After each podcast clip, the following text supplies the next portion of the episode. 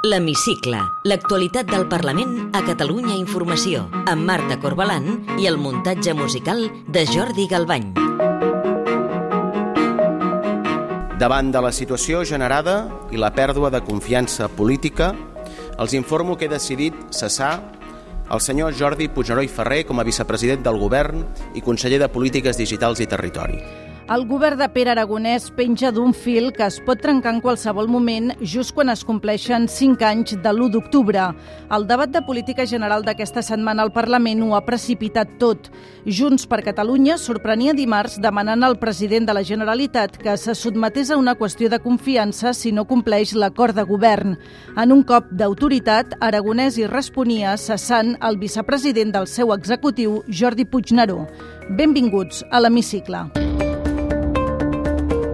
El govern afronta la pitjor crisi des que es va posar en marxa fa un any i mig. Junts vol que el president se sotmeti a una qüestió de confiança si no dona garanties que complirà el pacte de govern i avançarà cap a la independència.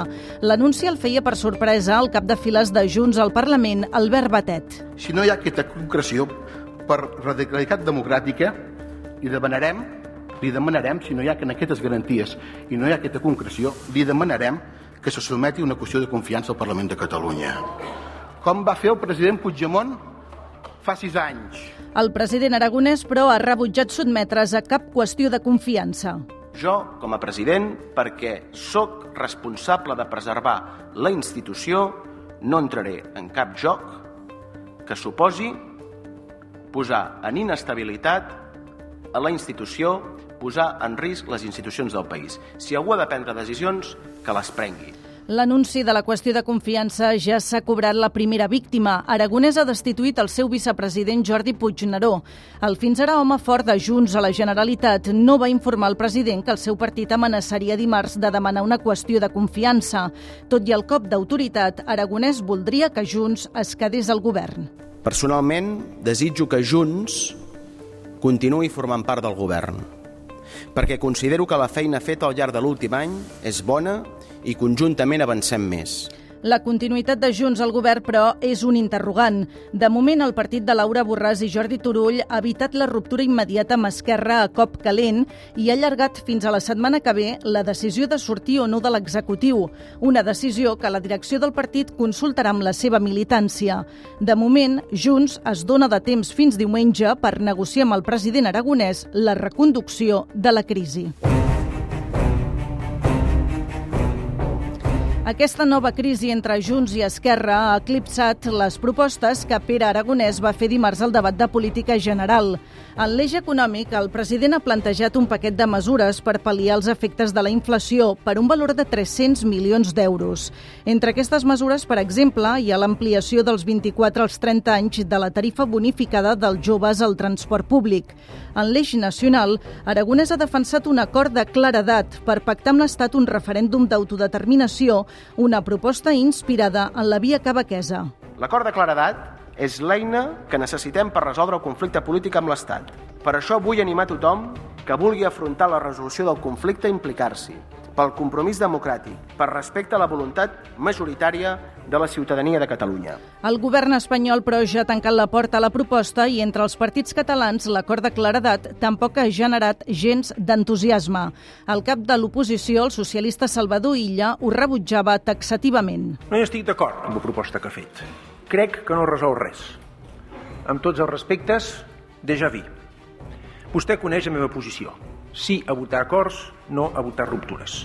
Els comuns han rebut la proposta amb fredor i desinterès, tot i que ells mateixos ja la van defensar fa uns anys. Jessica Albià, que és la cap de files d'en Comú Podem. No és a mi a qui ha de convèncer d'aquesta mesura.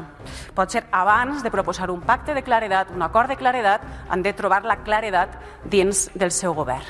La portaveu de la CUP, Eulàlia Reguant, també ha rebutjat l'acord de claredat i ha tornat a demanar a Esquerra que abandoni la via del diàleg amb l'estat espanyol. Nosaltres no tenim fórmules màgiques. Només, però, escoltem propostes retòriques que acaben sent utilitzades com a armes llancívoles que serveixen per seguir amb la batalleta partidista per l'hegemonia i poca cosa més. Una petició. Parem-ho aquí.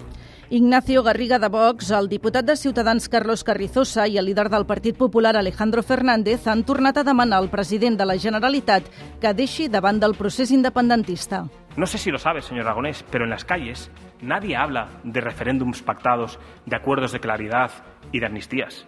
Salga a la calle, salga de este Parlamento y hable con los catalanes de a pie, que ven con mucho temor el incremento, por ejemplo, brutal de su factura de la luz y la creciente inseguridad. Pueden contar con nosotros en aquellas parcelas pocas que nos quedan, que no están contaminadas con el procés y que afectan a la, eh, al nivel de vida de los catalanes. ¿De verdad les merece la pena seguir así?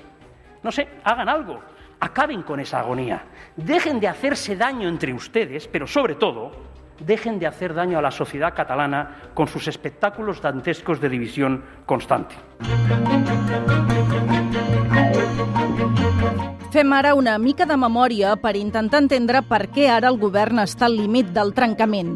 La mala maró entre els socis ve de lluny. De fet, no comença aquesta legislatura. Els dos partits carreguen sobre les espatlles una motxilla plena de retrets i desavinences del passat. Ja va costar molt arribar fins al pacte d'investidura després de les eleccions del 14 de febrer del 2021. Esquerra i Junts van estar negociant durant més de tres mesos i l'acord es va tancar a correcuita davant del risc d'anar a uns nous comicis. La primera gran crisi va esclatar al setembre de l'any passat per la composició de la taula de diàleg amb el govern espanyol. La delegació que proposava Junts va ser vetada perquè no tots els seus integrants eren membres del govern. La negativa de la CUP a donar suport als pressupostos d'aquest any va provocar un nou episodi de tensió entre Esquerra i Junts per qui havia de ser l'altre soci. Els republicans hi van situar els comuns, però Junts ho rebutjava. Però, sens dubte, la tensió es va intensificar molt aquest estiu arran de la suspensió de Laura Borràs com a presidenta del Parlament, una suspensió avalada per Esquerra. A l'agost, Junts es plantava i Jordi Turull avisava als socis que calia complir els acords i avançar cap a la independència. Així no podem seguir. I no podem seguir així perquè nosaltres vàrem signar un acord de govern pensat perquè ens acostés a construir aquelles condicions que ens permetessin culminar el resultat de l'1 d'octubre, que és la independència de Catalunya. El problema de fons és que no hi ha una única estratègia independentista, sinó dues. La via negociada, que defensa Esquerra, i la de la confrontació amb l'Estat, que bandera Junts. A partir de l'avís de Jordi Turull del 29 d'agost, l'espiral de retrets va començar a anar a l'alça, fins al punt que el líder d'Esquerra, Oriol Junqueras, criticava obertament els seus socis fa unes setmanes. Alguns dirigents del Partit Socialista i alguns dirigents de Junts per Catalunya prefereixen arrossegar les institucions d'aquest país pel pedregar per protegir els seus interessos personals, els seus egoismes i les seves miopies. Els nervis s'intensifiquen quan la presidenta de Junts, Laura Borràs, posa sobre la taula l'opció de sortir del govern. És perfectament possible que Junts per Catalunya deixi el govern, però ho és perquè nosaltres hem fet un procés d'anàlisi dels compromisos que nosaltres adquirim. Nacionalment, els compromisos no s'estan complint. Si s'acaba trencant el govern, els uns i els altres hi poden sortir perdent, però també guanyant en alguns aspectes. Intentem fer una anàlisi dels pros i contres. Esquerra vol evitar la ruptura perquè li seria molt difícil governar en minoria amb només 33 diputats. Podria aguantar un temps, però ja veuríem si podria esgotar la legislatura. Amb els comuns arribarien als 41 diputats, molt lluny de la majoria absoluta. Això els obligaria a entendre's també amb el PSC, un partit que incomoda Esquerra. A més, si els republicans depenguessin dels socialistes a Catalunya, això també els faria perdre força negociadora amb el PSOE a Madrid.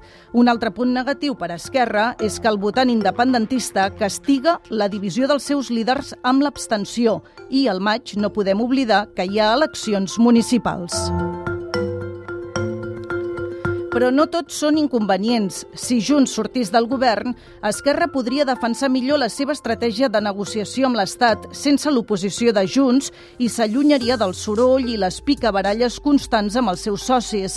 A més, si acabessin governant en solitari, els republicans ocuparien els càrrecs que deixaria Junts i ostentarien, per tant, molt de poder. Junts, però, encara hi pot sortir perdent més si trenca amb Esquerra. El partit de Borràs i Turull deixaria de governar Catalunya i, a més, tampoc serien el principal partit de l'oposició, que és el PSC. Aquest escenari fa tremolar els alcaldables de Junts per Catalunya quan les eleccions municipals estan molt a prop. El principal avantatge de sortir del govern és que Junts podria defensar millor la seva estratègia de confrontació amb l'Estat i marcar més perfil propi des de la bancada de l'oposició.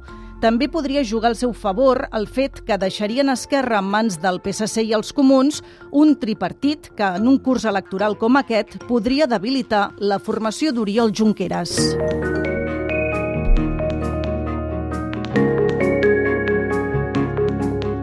Podeu tornar a escoltar l'Hemicicle al web catradio.cat barra hemicicle o al podcast del programa i seguir l'actualitat del Parlament al perfil de Twitter arroba L-hemicicle.